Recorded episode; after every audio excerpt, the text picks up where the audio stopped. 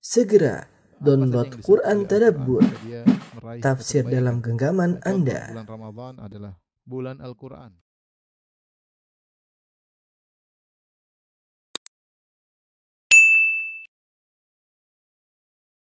Bismillahirrahmanirrahim. Assalamualaikum warahmatullahi wabarakatuh. Alhamdulillahi ala ihsani wa syukru lahu ala taufiqihi wa amtinani wa asyhadu an la ilaha illallah wahdahu la syarika lahu ta'ziman li sya'ni wa asyhadu anna Muhammadan abduhu wa rasuluhu da ila ridwani. Allahumma salli alaihi wa ala alihi wa ashabihi wa ikhwani. Para dokter, para guru besar yang dirahmati oleh Allah Subhanahu wa taala, kita lanjutkan bahasan kita tentang pembatal-pembatal keislaman dan kita masuk pada pembatal keislaman berikutnya yaitu tentang eh, sihir. Sebenarnya sihir termasuk dari pembahasan keislaman yang pertama yang pernah kita bahas yaitu syirik ya. Dia adalah bagian dari syirik tetapi kita menyendirikan penyebutannya karena Nabi SAW juga menyebutkannya secara tersendiri. Dalam hadis kata Nabi SAW, Ijtanibu sab'am sab'al mubiqat. Jauhilah tujuh perkara yang membinasakan. Kemudian Rasulullah SAW mengatakan, Wa mahunna apa saja tujuh perkara tersebut kata Nabi wasallam asyirku wasihru ya. Rasulullah SAW menyebutkan tujuh tersebut di antaranya syirik, kemudian sihir. Baru yang lain seperti makan eh, harta anak yatim, lari dari perang, menuduh wanita yang eh, baik-baik dengan tuduhan berzina eh, dan yang lainnya. Tapi intinya Rasulullah SAW menyebutkan asyirku kemudian wasihru.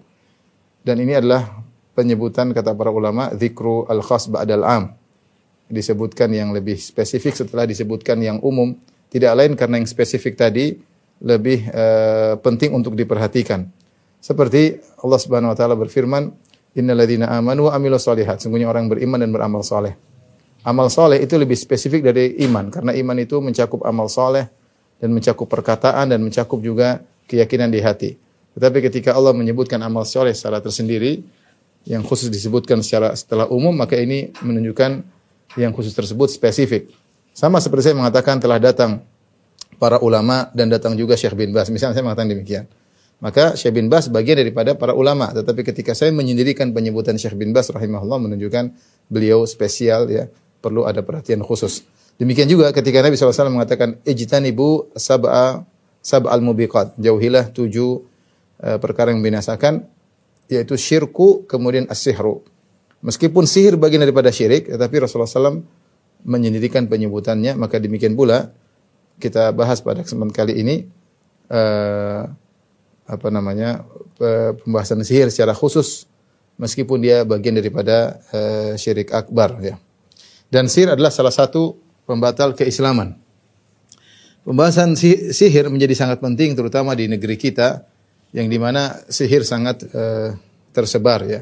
Kita sering dengar orang tersihir, uh, terutama uh, banyak dukun atau banyak penyihir di tanah air kita yang mungkin ada juga paguyuban para dukun, paguyuban para tukang sihir.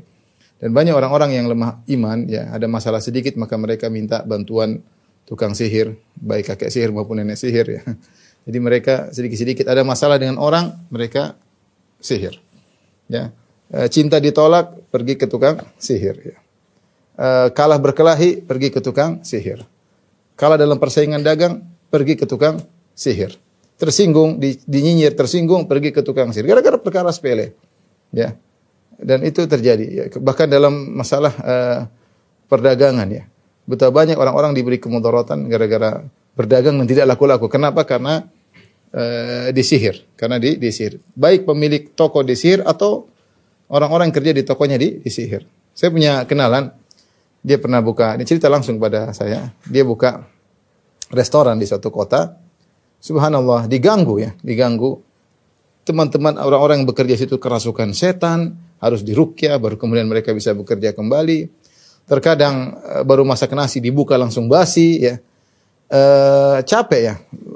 Karena ada yang mengganggu ya, ada yang mengganggu. Terkadang orang lewat sepertinya tokonya tertutup ya.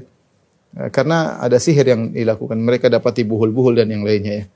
E, mau menghadapi permasalahan seperti ini, mungkin bisa dihadapi, tapi capek. Sampai kapan? Setiap dagang diganggu, setiap dagang diganggu. Dan orang bermudah-mudahan melakukan praktek sihir, padahal sihir adalah dosa besar yang bisa mengeluarkan seorang dari uh, dari Islam. Akan kita bahas dalil-dalil yang menunjukkan bahwasanya sihir menyebabkan kekufuran. Sebelum kita bahas tentang dalil-dalil yang menunjukkan bahwasanya sihir menyebab kekufuran, penyebab kekufuran kita bahas tentang definisi sihir terlebih dahulu ya. Definisi sihir ya. Uh, sihir secara bahasa ya, atau etimologi ya. Dan juga secara uh, istilah. Kalau terminologi ya. Secara bahasa maka sihir diambil dari kata sahara ya. Sin uh, ha dan ra yang menunjukkan uh, ma khafiya sababuhu wa daqqa yaitu ma khafiya sababuhu atau latufa sababuhu wa daqqa yaitu perkara yang samar. Perkara yang samar. Ini secara secara bahasa ya. Makanya dikatakan uh, sahur ya. Waktu sahur, sahar dikatakan sahar adalah waktu sebelum subuh karena di situ waktu tenang, uh, senyap, ya, sepi waktu menjelang subuh maka dikatakan waktu sahar ya. Demikian juga uh, ketika Rasulullah SAW pernah mengomentari seorang yang menjelaskan dengan begitu hebat penjelasannya kata Nabi SAW Inna minal bayani la sihra. Inna minal bayani la sihra. Sungguhnya di antara penjelasan ada yang merupakan sihir. Kenapa? Karena samar. Dia berbicara dengan orasinya tiba-tiba seorang terpengaruh dengan orasinya. Maka Rasulullah menamakan orasi yang memberi pengaruh tanpa dilihat sebabnya secara langsung, samar sebabnya disebut dengan sihir oleh Nabi sallallahu alaihi wasallam. Demikian juga ada sebagian orang menamakan namimah dengan sihir. Ya, kenapa namimah dikatakan sihir? Karena namimah uh, sebabnya tidak kelihatan tapi akhirnya bisa memisahkan dua orang yang saling bersahabat, bahkan bisa menimbulkan pertikaian antara dua kelompok gara-gara adanya namimah. Ini adalah sihir secara bahasa yaitu uh, suatu yang samar sebabnya. Uh, demikian juga sulap, sulap mungkin bisa, dikatakan sihir. Kenapa? Karena seorang pintar kecepatan tangan sehingga dia bermain sulap. Ya, padahal itu tidak ada bantuan jin, tapi dengan kecepatan tangannya seorang bisa saja terpedaya uh, karena samar sebabnya maka bisa dikatakan sihir. Adapun sihir secara istilah, apa maknanya sihir secara istilah? Maka uh, dua metode ulama dalam hal ini Pertama, metode ulama yang tidak mendefinisikan sihir. Yang tidak mendefinisikan.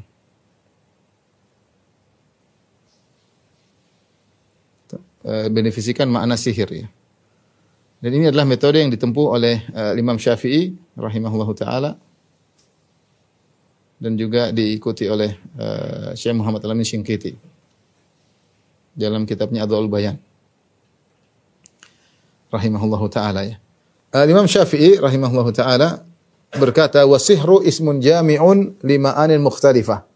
Dalam kitabnya Rum beliau berkata sihir adalah suatu nama yang mencakup banyak makna. Kenapa Imam Syafi'i tidak mendefinisikan sihir? Karena sepertinya beliau sulit menemukan satu makna yang jami' yang bisa mengumpulkan seluruh macam-macam sihir. Kenapa sihir itu modelnya banyak? Sihir itu modelnya banyak sehingga mau dikumpulkan pada satu definisi sulit, ya. Ini metode Imam Syafi'i. Demikian juga metode Al-Imam uh, Muhammad Amin Syinqiti rahimahullah taala beliau berkata dalam Adwal Bayan, "I'lam inna sihra fil istilahi la yumkinu hadduhu bihaddin jami'in mani'." Ketahuilah bahwasanya sihir secara terminologi secara istilah tidak mungkin diberi definisi yang definisi yang tepat yang bisa mengumpulkan seluruh uh, macam-macam sihir likasratil anwa'il mukhtalifati dakhilati tahtahu. Karena terlalu banyak model sihir yang ada ya. Sihir itu modelnya banyak ya. Sihir pelet ya, sihir uh, tenung ya, macam-macam ya. Sihir membuat seorang lelaki tidak bisa menggauli istrinya ya. Sihir memalingkan tadinya mencintai tidak mencintai, sihir membuat orang jadi benci sama orang lain, sihir terkait tadi melihat sesuatu tidak terlihat lewat toko orang toko tertutup.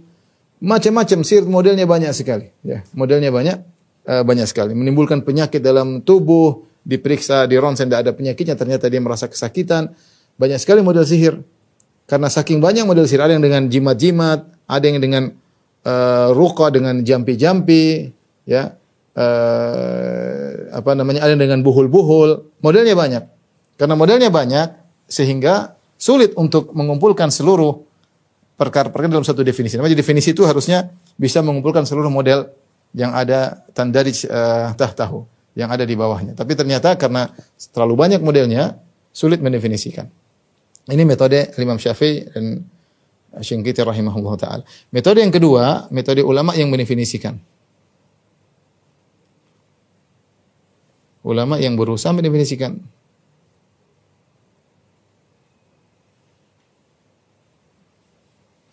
Di antaranya adalah uh, Al-Imam Ibnu Qudam Al-Maqdisi, salah seorang ulama dari mazhab Hambali, uh, mencoba mendefinisikan uh, sihir. Kata beliau, sihir adalah uh, kata dia azaim. Azaim itu maksudnya jimat-jimat. Azaim, jimat-jimat. Kemudian warukan, rukan maksudnya Eh, mantra-mantra. Mantra-mantra ya. Contoh mantra apa? Abrakadabra ala kazami. yang sering orang ditulis di majalah dulu ini mantra-mantra ini nggak benar ini ya. Kemudian di antaranya uqat buhul-buhul. Jadi dia dia mendefinisikan dengan memberi contoh. Sihir itu kalau nggak bukan jimat-jimat yang ditulis atau dengan mantra-mantra yang dibaca atau dengan buhul-buhul yang ditiupkan. Ini tiga model sihir. Yang ketiga ini yu'athiru fil qulubi wal abdan. Ketiga perkara ini mempengaruhi hati hati dan tubuh dan jasad. Dampaknya maka dampaknya kata beliau fayumrid fayumrid membuat sakit, menimbulkan sakit, wa yaqtul membunuh bahkan uh, membunuh wa yufarriqu bainal mar'i wa zawjih memisahkan antara suami dan istri.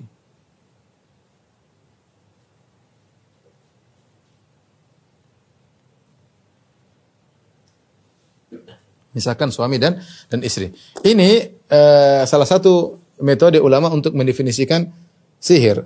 Tentunya kalau kita melihat definisi tentu saja masih ada kurang ada sihir takhil yang tidak disebutkan oleh Ibnu Qudamah rahimahullah taala tapi intinya sihir adalah contohnya jimat-jimat jimat-jimat bagaimana? Jimat-jimat ditulis dengan ayat-ayat Al-Qur'an tapi dibolak-balik atau tulis ayat Al-Qur'an dengan najis. Dan ini dilakukan. Mereka tulis Al-Qur'an dengan darah misalnya. Kelihatannya Al-Qur'an tapi ini darah. Atau mereka tulis Al-Qur'an dengan huruf dilepas-lepas dipisah-pisah. Kulullah tapi dipisah qaf lam. Atau mereka tulis Al-Qur'an tapi ditambah dengan angka-angka atau dengan pagar-pagar dengan gambar-gambar. Ini semua adalah penghinaan terhadap Al-Qur'an. Atau mereka tulis Al-Qur'an dengan terbalik misalnya. Atau mereka tulis Al-Qur'an dengan di uh, bang apa namanya di, di, di apa kulit bangkai misalnya. Ya. Ini contoh ya. Adapun mantra-mantra ya tentu mereka punya bacaan-bacaan sendiri. Memanggil setan memanggil uh, apa namanya roh-roh ya. Uh, dan yang lainnya ya. Kemudian uh, uqat yaitu buhul-buhul yang mereka buat secara metode tertentu kemudian mereka tiup-tiup ya sebagaimana Allah sebutkan min syarri nafatsati fil uqat dan berlindung dari nenek sihir yang meniupkan buhul-buhulnya. Ini semua adalah model-model sihir yang menimbulkan sakit bahkan bisa membunuh di antaranya bisa dampaknya memisahkan antara suami dan dan istri. Ini definisi sihir. Intinya kita paham sihir adalah kerjasama dengan syaitan dalam rangka untuk uh, memberi mudarat kepada orang lain. Dan sihir ini sudah ada sejak uh, zaman dahulu para ambia, para nabi, mereka diutus kepada kaum mereka yang mengenal sihir. Makanya Allah Subhanahu wa taala berfirman, "Kadzalika ma atal min qablihim min rasulin illa qalu sahirun aw majnun." Tidaklah uh, datang ya, kepada orang-orang sebelum engkau wahai Muhammad sallallahu alaihi wasallam ya, uh, seorang rasul pun kecuali kaumnya berkata sahirun au majnun. Engkau itu penyihir atau engkau orang gila. Jadi para nabi sejak dahulu sudah dituduh sebagai penyihir atau orang gila. Menunjukkan bahwasanya sihir adalah perkara yang sudah diketahui sejak zaman lama. Sejak zaman dahulu iblis dan setan sudah mengajarkan sihir kepada masyarakat sehingga para ambia, para nabi mereka mendapati kaum mereka ya ketika nabi-nabi mendatangkan mukjizat kata mereka penyihir. Setiap nabi mendatangkan mukjizat katanya penyihir. Di antaranya Nabi Muhammad SAW dituduh sebagai sebagai penyihir. Makanya Ibn Taimiyah berkata, Ismu sahir ma'rufun fi jami'il umam.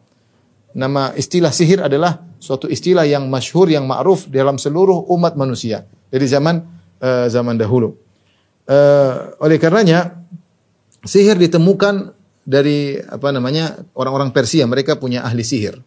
Ya, demikian juga para Kudamal Misriyin, yaitu penduduk Mesir, suku Akbat, orang-orang suku Mesir terdahulu, Mesir kuno. Mereka juga ahli sihir dan mereka punya mantra-mantra tertentu. Demikian juga orang-orang India. India juga banyak ahli ahli sihir. Demikian juga Yunani. Yunani juga banyak ahli sihirnya. Demikian Yahudi. Yahudi juga banyak ahli sihir. Bukankah yang menyihir Nabi SAW, Labid bin, bin al-A'sam al-Yahudi, seorang Yahudi yang menyihir Nabi SAW, tatkala mereka berpaling dari Al-Quran, maka mereka sibuk dengan sihir. Mereka sibuk dengan uh, dengan sihir. Dalil bahwasanya Yahudi mengenal sihir. Firman Allah Subhanahu wa taala, "Walamma ja'ahum rasulun min indillahi musaddiqun lima ma'ahum, nabadha fariqun minal ladzina utul kitaba kitaballahi wa ra'a dhurihim ka'annahum la ya'lamun." Tatkala datang rasul dari sisi Allah yang membenarkan apa yang ada pada mereka itu Nabi Muhammad SAW yang membenarkan Taurat, nabatha fariqun minal ladzina utul kitaba kitaballah. Maka sebagian kelompok dari mereka membuang kitab Allah, dibuang di belakang, ya. Bukan cuma buang di depan, buang di belakang, tidak dipedulikan. Ka'annahum la ya'lamun, seakan-akan mereka tidak pernah tahu apa akibatnya ketika mereka berpaling daripada Al-Qur'an. Kata Allah, "Wattaba'u ma tatlu syayatinu ala mulki Sulaiman." Mereka mengikuti apa yang dibacakan oleh para syaitan dalam kerajaan Sulaiman. Wa ma kafara Sulaiman walakinna syayatina kafaru. Sulaiman tidak kafir dan setan-setanlah yang kafir. Syekh Sa'di ketika mengomentari ayat ini, dia punya perkataan yang indah ya. Saya bacakan uh, lamma kana min al-awaidil uh, qudsiyah wal hikmatil ilahiyah anna man taraka ma yanfa'uhu wa amkanahu al-intifa'u bihi wa lam yantafi' ubtuliya bil ishtighali bima yadhurruhu. Merupakan suatu kebiasaan ilahiyah, sunatullah yang berlaku hikmah Allah yang berlaku. Siapa yang meninggal, siapa saja yang meninggalkan suatu perkara yang bermanfaat bagi dia, padahal dia mampu untuk mengambil manfaat dari perkara tersebut, kemudian dia tinggalkan, dia tidak mengambil manfaatnya, maka akan disibukkan dengan perkara yang memberi mudarat kepadanya. Ini kaidah. Suatu perkara yang bermanfaat, kau mampu mengambil manfaat darinya, tapi kau tinggalkan, kau cuekin, maka kau akan di, ditimpa dengan perkara yang mudarat bagimu. Faman taraka ibadat rahman perhatikan. Dia beri contoh. Kemudian eh, Syekh Sa'di rahimahullah memberikan contoh. Barang siapa yang meninggalkan ibadah kepada Allah, ubtuliya bi ibadatil authan, maka dia akan tertimpa peribadatan kepada berhala. Wa man taraka mahabbatallah wa khaufahu wa rajahu Siapa yang meninggalkan rasa cinta kepada Allah, rasa takut kepada Allah, rasa harap kepada Allah Subhanahu wa taala, ubtuliya bi mahabbati ghairillah wa khaufi wa raja'i. Akhirnya dia tertimpa rasa cinta kepada selain Allah, rasa takut kepada selain Allah dan berharap kepada selain Allah. Seperti itu. Kamu mampu untuk mencintai Allah, kamu mampu untuk berharap kepada Allah, tapi kamu tinggalkan, maka kamu akan mencintai selain Allah, berharap kepada selain Allah, takut kepada selain Allah. Wa man lam yunfiq malahu fi taatillah anfaqahu fi taati syaitan. Siapa yang tidak menginfakkan hartanya di jalan Allah, maka dia akan infakkan jalannya di jalan syaitan. Punya harta banyak nih. Kalau nggak digunakan untuk kebaikan, akan digunakan untuk maksiat. Otomatis. Wa man taraka dhulla li rabbih ubtuliya bidzulli lil abid. Ya, barang siapa yang meninggalkan kehinaan untuk menghinakan dirinya di depan Allah, dia akan menghinakan dirinya kepada makhluk selain Allah. Makhluk ya, kepada sembahan-sembahan selain Allah Subhanahu wa taala. Wa man taraka al-haqqa ubtuliya bil batil. Barang siapa meninggalkan kebenaran, maka dia akan tertimpa dengan kebatilan. Kadzalika haula'il yahud. Demikian pula orang Yahudi tersebut. Lamma nabadhu kitaballahi ittaba'u ma tatlu syayatin wa takhtaliqu minas sihr. Tatkala orang-orang Yahudi membuang kitabullah, membuang Al-Quran, tidak ikut Al-Quran, maka mereka akhirnya mengikuti ajaran-ajaran syaitan. Maka akhirnya mereka membuat sihir-sihir. Jadi ya, ingin sampaikan bahwasanya sihir adalah perkara yang sudah ma'ruf dari zaman dahulu, bukan perkara yang baru di zaman sekarang. Ini sudah setannya sudah kuno dari dulu sudah ada sihir ya. Sejak zaman mungkin sejak zaman Nabi Nuh sudah ada sihir dan seterusnya. Sampai zaman uh, puncak-puncaknya zaman Nabi Musa di mana Firaun Al-La'in punya pasukan sihir yang sangat penyihir yang sangat banyak. Dan terus sampai zaman Nabi Muhammad SAW sampai sekarang masih banyak penyihir. Likul kaumin waris. Kita setiap kaum pasti ada penerusnya. Ya para penyihir kakek sihir nenek sihir tidaklah meninggal kecuali mereka sudah memiliki murid-murid yang baru untuk meneruskan uh, ilmu mereka. Uh, dan ketika mereka melakukan praktek sihir, mereka pasti bekerja sama dengan setan, pasti. Tidak mungkin sihir terjadi tanpa bantuan setan. Tidak mungkin sihir terjadi tanpa melakukan kekufuran, mustahil. Ibnu Taimiyah punya perkataan yang ini dalam Darut Ta'arud, dia berkata, "Innal kathirin min arbabi sihir mimman yadkhulu fil batil khafi ad-daqiq yahtaju ila a'malin azimah wa afkarin amiqah wa anwa'in minal ibadat waz zahadat war riyadat mufaraqati syahwat wal adat. Sungguhnya banyak eh, gembong-gembong tukang sihir yang mereka masuk dalam kebatilan yang samar ilmu sihir ini yang sulit ya. Mereka untuk bisa jadi penyihir membutuhkan amalan-amalan yang hebat. Kemudian harus pemikiran afkarin amikah, pemikiran yang dalam. Wa anwa'in minal ibadah dan mereka melakukan ibadah-ibadat, ritual-ritual. Wa zahadat kezuhudan-kezuhudan. Enggak boleh makan ini, enggak boleh mau jadi penyihir sulit, enggak gampang ya. Tidak bim salabim jadi penyihir, enggak. Harus melakukan banyak ritual-ritual. Latihan-latihan, wariyadhat, latihan-latihan begini, begini enggak boleh ini, enggak boleh ini. Mafarak mufarakati syahwat wal adat. Kebiasaan syahwatnya harus dia kesukaannya dia tinggalkan, kebiasaan kehidupannya dia tinggalkan. Ya. Akhiru amrihim asyakku birrahman. Kemudian penghujung perbuatan mereka, mereka ragu dengan Tuhan. Akhirnya apa? Wa ibadatu tagut wa syaitan. Dan ujungnya mereka akhirnya beribadah kepada tagut dan kepada syaitan. Ya. Kemudian wal fasad fil ard dan akhirnya menimbulkan kerusakan di atas muka bumi. Namun kata Ibnu Taimiyah, wal qalilu minhum man yanalu gharadahu. Tidak semua penyihir berhasil meraih keinginannya. Dia belajar-belajar sihir, ternyata dia ingin sihir lebih tinggi nggak berhasil. Ilmu sihirnya cuma ilmu sihir cetek. Banyak seperti itu. Dia mau begini-begini nggak mampu, padahal dia sudah melakukan ini, sudah melakukan itu. Wa qalil minhum man yanalu gharadahu. Hanya sedikit dari mereka yang bisa mencapai tujuannya. Alladzi la yaziduhu min Allah ila bu'dan yang membuat mereka semakin jauh dari Allah Subhanahu wa taala. Wa mahrumun ma'thum. Kebanyakan mereka tidak mencapai tujuannya yang mereka inginkan, ya. Inilah uh, apa namanya nasib para uh, para penyihir. Jadi tidak mungkin terjadi sihir kecuali uh, mereka melakukan kerjasama dengan uh, dengan uh, syaitan. Dan sihir adalah perkara yang nyata. Ini pendapat Ahlussunnah wal Jamaah. Berbeda dengan pendapat Mu'tazilah. Mu'tazilah menyatakan sihir tidak ada yang nyata, yang ada cuma sihir takhyil, hanya halusinasi yang dilihat oleh mata. Adapun sihir yang nyata tidak ini kita sudah pernah bahas dalam masalah akidah. Kenapa mereka menolak sihir? Karena mereka mengatakan uh, jawaban secara akal bahwasanya kalau kita mengatakan sihir ada nanti bagaimana kita bisa bedakan antara sihir dengan mukjizat. Ini sudah kita pernah bahas dalam secara akidah wasitiyah, tapi intinya sihir itu nyata sihir nyata dan banyak dalil yang menunjukkan sihir itu nyata. Pertama, Allah Subhanahu wa taala sendiri sebutkan dalam Al-Qur'an ya. Kata Allah Subhanahu wa taala, "Fayata'allamuna minhuma ma yufarriquna bihi bainal mar'i wa zawjihi." Mereka pun belajar sihir dari Harut dan Marut yang ilmu sihir tersebut bisa memisahkan antara suami dan istri. Ini nyata berarti mudaratnya ada, berarti sihir itu nyata. Allah berkata lagi, "Wa ma hum bidarrina bihi min ahadin illa biidznillah." mereka tidak bisa memberi mudarat kepada seorang pun kecuali dengan Artinya sihir bisa memberi mudarat. Berarti nyata. Kalau sihir nggak nyata nggak akan bisa bikin mudarat. Sebenarnya mereka mengatakan ketika para penyihir Fir'aun mereka melemparkan tali-tali tidak berubah. Itu hanya sihir aja. Jadi dilemparkan di waktu duha. Kemudian dicampur dengan minyak-minyak tertentu. Diletakkan sehingga sepertinya kelihatan seperti ular. Ya, jadi tidak ada sihir, hanya sekedar halusinasi. Ya yang benar tersihir. Nabi Musa tersihir. Yukhayyalu ilaihi min Nabi Musa tersihir matanya karena sihir mereka. Ya. Annaha tas'a seakan-akan hidup. Ya. Fa aujasa fi nafsi khifatan Musa. Maka Nabi Musa pun takut gara-gara melihat ular-ular seperti jadi memang ada sihir. Memang talinya tetap tali tapi halusinasi terjadi dan benar-benar tersihir kalau hanya tipuan kamera maksudnya uh, hanya special effect masih seperti zaman sekarang. Enggak, itu tidak ada special effect zaman dahulu. Ya benar-benar ada sihir di mata di mata Nabi Musa alaihissalam sehingga Nabi Musa pun ketakutan. Makanya Allah mengatakan waja'u bisihrin azim. Wastarhabuhum waja'u bisihrin azim. Mereka membuat para penonton semuanya ketakutan. Semua penonton semua tersihir. Entar ribuan orang semua tersihir. Waja'u bisihrin azim. Dan mereka telah mendatangkan sihir yang dahsyat. Jadi sihir itu nyata. Nabi Musa pun tersihir. Tadi Allah sebutkan uh, Sihir bisa memisahkan suami dan istri, sihir bisa mendatangkan kemudaratan. Nabi Musa juga tersihir. Uh, kemudian di antara dalil bahwasanya sihir itu nyata. Uh, uh, Nabi Muhammad SAW juga pernah tersihir. Makanya butuh ruqyah untuk menghilangkan sihir tersebut. Butuh mencari buhulnya untuk menghilangkan sihir tersebut.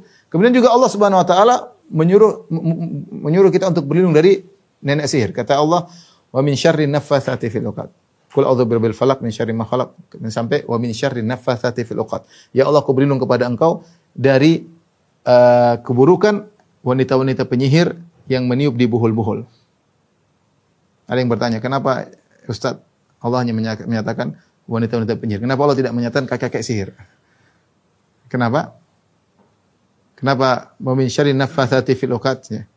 Dari kita berlindung dari penyihir-penyihir wanita yang meniup di buhul-buhul. Kenapa Allah tidak menyebutkan dari penyihir-penyihir lelaki? Kok hanya penyihir-penyihir wanita? Padahal kita tahu yang ada di dunia ini bukan cuma nenek sihir, ada juga kakek sihir. Ar-Razi dalam tafsirnya menyebutkan disebutkan nenek sihir penyihir wanita karena biasanya sihir wanita lebih dahsyat. Kenapa lebih dahsyat? Karena untuk sihir itu jadi dahsyat, pertama kerjasama dengan setan, yang kedua dia harus punya jiwa yang kotor. Dan biasanya wanita kalau sudah dendam, dendamnya luar biasa. kalau udah jengkel-jengkelnya luar biasa. Kalau hasad-hasadnya luar biasa. Nah, ini jiwa yang seperti buruk ini cocok untuk membuat sihir menjadi dahsyat. Sehingga sihir wanita lebih hebat daripada sihir lelaki. Ya. Karena bercampur antara jiwa yang sangat baper dengan dengan setan maka jadilah sihir yang sangat dahsyat. Ya. Padahal ada penyihir-penyihir lelaki. Tapi intinya ketika kita disuruh berlindung dari uh, para penyihir wanita yang meniup di buhul-buhul menunjukkan sihir itu ada. Kalau tidak ada ngapain kita berlindung? Kalau hanya sekedar halusinasi ngapain kita berlindung? Nggak perlu berlindung. Berarti sihir itu nyata adanya. Demikian juga Rasulullah SAW bersabda, "Man tasabbaha bisab'ati tamaratin ajwa lan yadurrahu al-yawm ismun summun wala sihrun." Barang siapa yang di pagi hari kemudian makan tujuh butir tujuh butir korma ajwa, maka pada hari itu dia tidak akan terkena kemudaratan dari racun dan sihir. Sebagaimana racun nyata, sihir juga nyata. Ya kalau sihir nggak nyata, ngapain kita disuruh makan uh, tujuh butir korma hanya sih halusinasi. Berarti sebagaimana racun tidak beri mudarat dan racun itu nyata, sihir juga tidak tidak memberi mudarat kepada orang yang makan tujuh butir korma ajwa setiap pagi hari karena uh, meskipun sihir itu nyata. Tapi jadi yang benar bahwasanya sihir itu ada baik dari Al-Quran maupun hadis. Dan secara kenyataan, betapa banyak kasus kita hadapi masalah sihir. Banyak sekali. Ada kawan dulu, nikah dengan seorang wanita. Subhanallah, tidak bisa digauli. Tidak bisa digauli. Tertutup, nggak bisa digauli. Dia punya istri lebih dari satu. Istri yang satu bisa, istri satunya nggak bisa. Subhanallah. Nggak bisa digauli.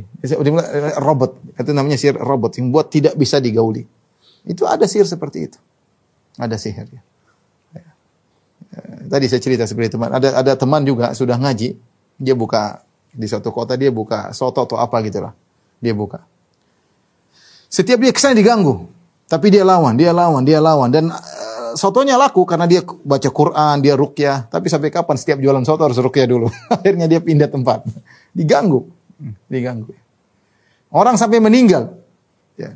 Gara-gara disihir, ditenung, disantet, dikirim uh, apa namanya paku dalam tubuhnya. Tahu-tahu tubuhnya menjadi uh, besar seperti ada baskom dalam perutnya. Ini terjadi kenyataannya.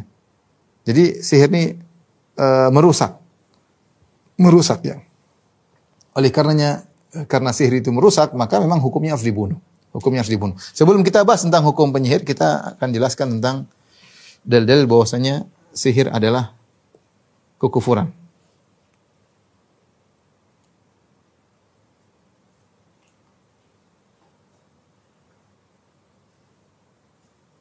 Artinya pelakunya uh, kafir ya. Yang paling uh, dalilnya yang sangat detail ya. Uh, dalam surat Al-Baqarah ya. Ayat 102 ya. Pertama kita cuplikan dari Quran surat Al-Baqarah ayat 102. Ya tadi wattaba'u ma tatlu syayatinu ala mulki Sulaiman. Mereka orang Yahudi ketika meninggalkan Al-Quran atau meninggalkan uh, kitabullah, mereka buang di belakang mereka. Wattaba'u ma tatlu syayatinu ala mulki Maka mereka pun mengikuti apa yang dibacakan oleh syaitan pada kerajaan Sulaiman. Ini orang-orang Yahudi ketika mereka belajar kata mereka ini sihir dari Sulaiman. Kami bisa sihir ini ilmu dari Sulaiman. Maka Allah bantah, enggak. Yang kalian ikuti itu bukan ajaran Sulaiman. Yang kalian ikuti adalah apa namanya ajaran syaitan. Ya. Sampai sekarang orang mengatakan masih ada ilmu putih, ada ilmu hitam.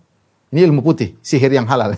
Ini ilmu hitam, sihir yang haram. Tidak ada. Semua sihir tidak ada ilmu putihnya. Semua ilmu apa? Ilmu hitam. Ya, semua ilmu hitam. Sebagaimana orang Yahudi dahulu menisbahkan ilmu sihir kepada Sulaiman. Karena mereka disebutkan mereka ketika Nabi Sulaiman mati, mereka meninggal alaihissalam, mereka mendapati tulisan-tulisan sihir-sihir di kerajaannya atau di singgasananya yang pernah dibacakan oleh syaitan, yang pernah ditulis oleh syaitan. Makanya kata Allah, "Wattaba'u ma tatlu syayatinu ala mulki Sulaiman." Wa ma kafara Sulaiman. Kata Allah, mereka mengikuti syaitan. Maksudnya sihir ya. Jadi sihir itu ikut setan. Sihir berarti ikut setan. Dan ikut setan ya sangat rawan kafir ya. Kemudian kata Allah, "Wa ma kafara Sulaiman." Kata Allah, Sulaiman tidak kafir. Walakin syayatin kafaru, tapi syaitan yang kafir.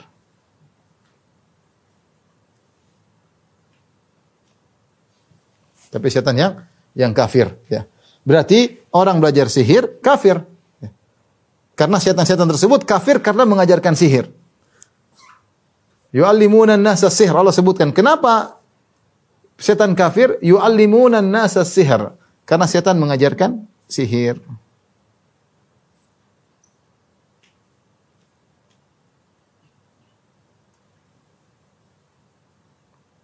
Baik.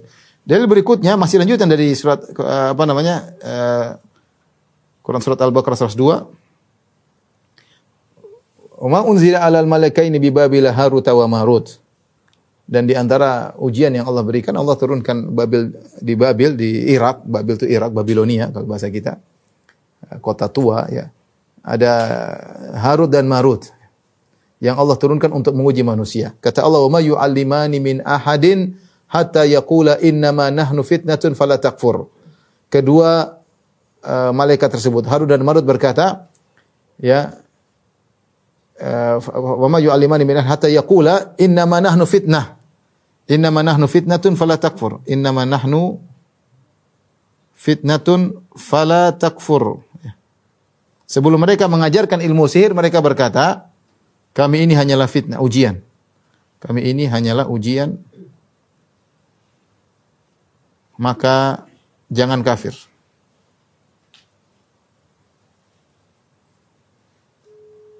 maka jangan kafir. Nah, berarti kalau belajar ilmu sihir berarti kafir.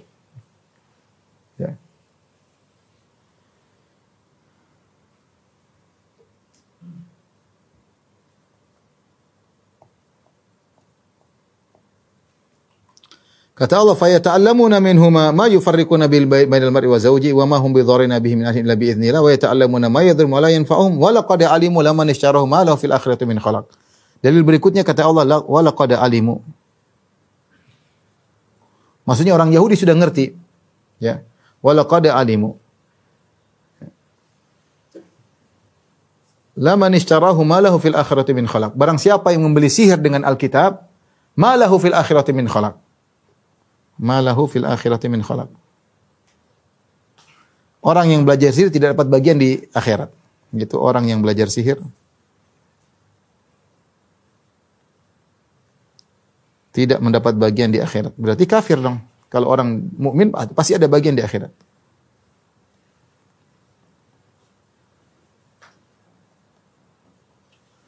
Wala bi sama syarabi anfusam law kanu ya'lamun. Dalil berikutnya yang menunjukkan penyihir kafir Quran surat Al-Baqarah lanjutannya 103. Kata Allah Subhanahu wa taala, "Walau annahum amanu wattaqau lamathubatum min indillahi khair law kanu ya'lamun." Kata Allah, walau annahum amanu wattaqau la mathubatu min illahi khair. Kalau mereka beriman beriman dan bertakwa tentu mereka dapat ganjaran dari Allah. Tentu mereka dapat ganjaran dari Allah.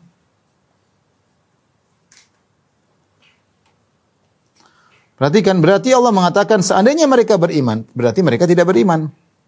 Allah mengatakan walau annahum amanu, seandainya mereka beriman. Berarti para penyihir tidak beriman. Para penyihir tidak beriman. Kemudian dalil bahwasanya penyihir kafir, dalam Al-Qur'an Allah mengatakan innahu uh, apa namanya? Kata Allah Subhanahu wa la yuflihu innahu la yuflihu sahirun. La yuflihu sahirun kata Allah. La yuflihu sahirun. Bahwasanya para penyihir tidak beruntung. Dalam ayat yang lain, wala yuflihu sahiru haitsu ata.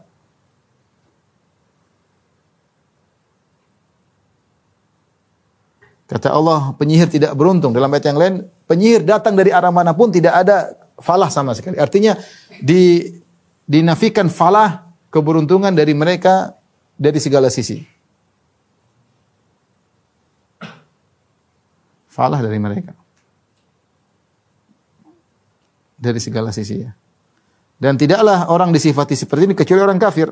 Seperti firman Allah, "Innahu la yuf innahu la yuflihul kafirun." Ya. Ya. Wa man yad'u ma Allahi ilahan akhar la burhana lahu bi fa innama hisabuhu inda rabbih innahu la yuflihul kafirun. Sungguhnya tidak beruntung orang kafir. Sama, penyihir juga dikatakan la yuflihu sahirun. Konteksnya sama. La yuflihul kafirun, la yuflihu sahirun. Berarti penyihir adalah kafir. Orang-orang pelaku kesyirikan kata Allah innahu la yuflihu zalimun. Tidak beruntung orang melakukan kesyirikan. Jadi eh, konteks la yuflihu sah, sahirun atau la yuf, la yuflihu sahiru haitsu ata mirip seperti la yuflihul kafirun tidak beruntung orang-orang kafir, la yuflihu zalimun tidak beruntung orang-orang syirik. Berarti sama hukumnya uh, kafir. Kemudian di antara dalil bahwasanya sihir adalah uh, adalah kekufuran ya. Bahwasanya uh, sihir adalah bagian daripada syirik.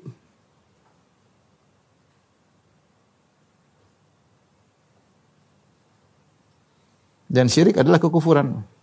Syirik adalah uh, kekufuran.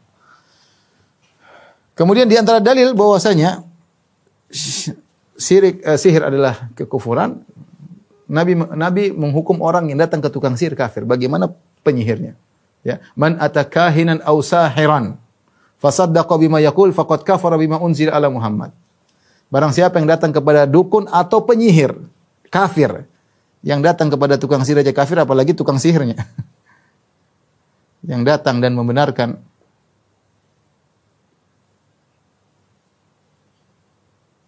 tukang sihir aja kafir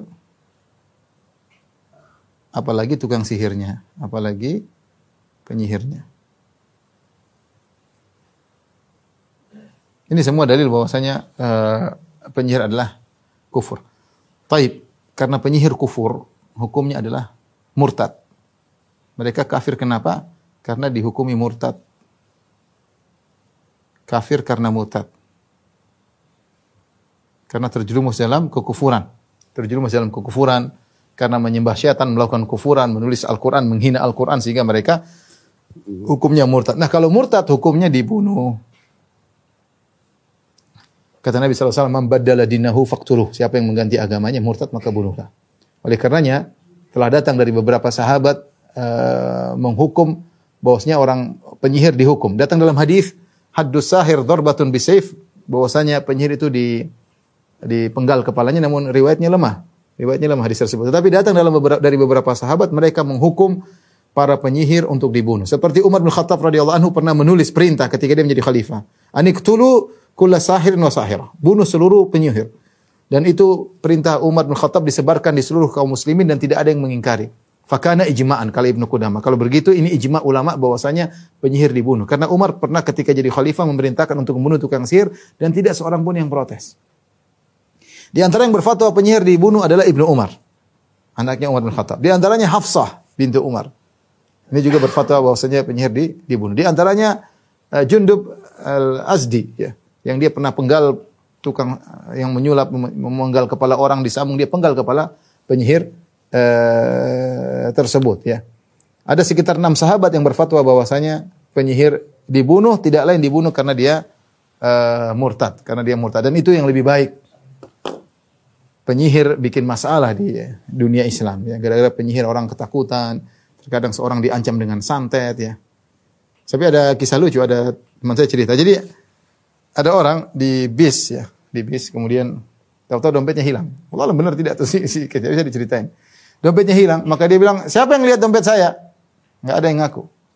Dia bilang, "Siapa yang lihat dompet saya?" Enggak ada yang ngaku. Terus dia bilang, "Siapa yang ngambil dompet saya? Saya santet." Akhirnya ada yang datang, "Iya, Pak, ini dompetnya."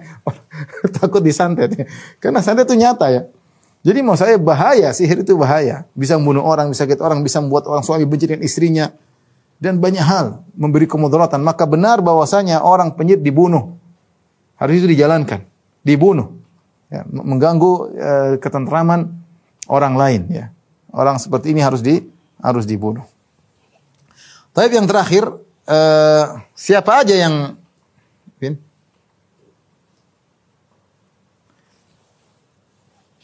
Siapa saja yang terkena vonis kafir gara-gara sihir ini? Ya.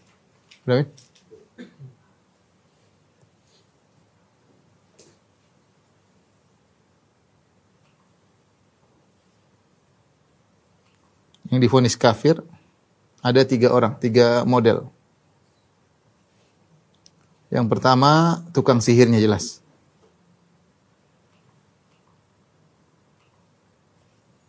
Yang kedua yang belajar sihir. Meskipun belum melakukannya. Belum mempraktekannya.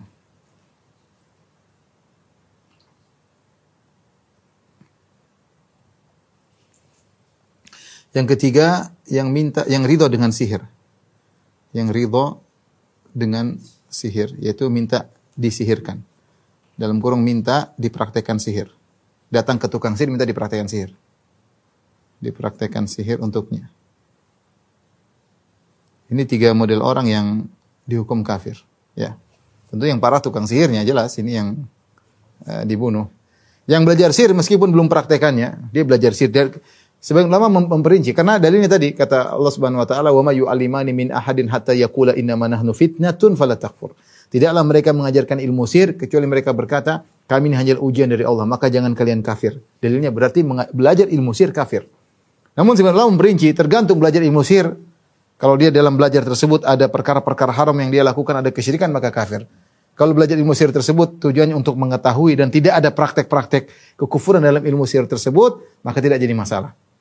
Tapi intinya sebaiknya di, dijauhi ya. Sebaiknya di, dijauhi. Ada asar yang Hasan disebutkan oleh uh, oleh Ibnu Katsir dalam tafsir tentang seorang wanita yang kalau tidak salah ditinggal oleh suaminya akhirnya belajar ilmu sihir. Dia belajar ilmu sihir kemudian dibimbing oleh seorang dukun harus begini, harus begini, harus begini, harus begini sampai akhirnya dia bisa membuat itu tumbuhan kalau tidak salah menjadi langsung besar. Intinya dia bisa praktek sihir meskipun dia belum praktekkan kepada orang lain. Dia baru praktek sendiri. Ternyata sihirnya sudah jadi. Ketika itu dia baru sadar bahwasanya dia kufur kepada Allah Subhanahu wa taala. Dia belum praktekkan ke orang, baru latihan sendiri. Ya, setelah dia melakukan hal-hal yang haram, kemudian dia bisa melakukan sihir, akhirnya dia menyesal, akhirnya dia pun pergi ke para sahabat. Dia pergi ingin menemui Nabi SAW untuk mencari solusi uh, taubat kepada Allah, tapi Nabi SAW sudah meninggal dunia. Akhirnya datang kepada para sahabat dan dia mengaku perbuatan sihir yang dia lakukan. Para sahabat tidak menjawab, mereka offer ke sahabat yang lain, offer ke sahabat yang lain, offer ke sahabat yang lain sampai akhirnya di offer kepada Ibnu Abbas radhiyallahu anhu. Maka Ibnu Abbas mengatakan, "Apakah engkau punya orang tua? Kalau enggak salah kau punya ibu." Bisa dilihat di tafsir Ibnu Katsir. Saya belum cek lagi sudah lama. Eh, apa kau punya ibu? Kata dia, "Ada." Maka berbaktilah kepada orang tuamu semoga bisa mengampuni dosa sihirmu tersebut ya. Jadi intinya eh, belajar sihir meskipun belum dipraktekkan kepada orang lain bisa terjerumus dalam kekufuran. Jangan ambil misalnya buku apa, buku belajar sihir dan praktek. Oh, ambil ini, ambil kodok, kemudian ambil apa, kemudian ditulis Al-Quran. Ini sudah, ini meskipun belum jadi sihir, baru praktek. Tulis Al-Quran dengan darah misalnya, darah kodok, darah, oh, ini sudah kufur, tidak boleh. Kufur. Meskipun dia belum praktekkan kepada orang lain. Yang ketiga, orang yang datang ke tukang sihir minta disihirkan juga kufur. Laisa minna man atau tusuhira lahu. Bukan dari golongan kami orang yang melakukan praktek sihir atau dia minta untuk dipraktekkan sihir untuk dia. Sebab saya pernah menghadapi kasus ya. Jadi seorang lelaki datang kepada saya, "Ustadz, istri saya disihir." Saya bilang, "Siapa yang sihir?" Adiknya, Ustadz. Loh, adiknya sihir ya, Ustadz. Adiknya yang sihir. Loh, kasih tahu kalau itu haram, tidak boleh, itu syirik. Lah Ustadz, adiknya di lulusan pondok katanya. Jadi sampai seperti itu. Ya, orang udah hasad, sudah dengki, mau apa dia praktek sihir. Ya, orang yang minta praktek sihir untuk dirinya juga kufur kepada Allah Subhanahu uh, wa taala. Uh, Allah alam bisawab ini semua menunjukkan bahwasanya uh, sihir adalah kekufuran dan siapa yang melakukan praktek sihir atau mempelajarinya atau minta sihir maka dia juga terjerumus dalam kekufuran maka seorang waspada ya dan jauhi perbuatan-perbuatan uh, yang ter, terkait dengan masalah sihir. Demikian para dokter yang dirahmati Allah Subhanahu wa taala. Kajian kita kurang lebih saya mohon maaf. Apabila taufiq Assalamualaikum warahmatullahi wabarakatuh.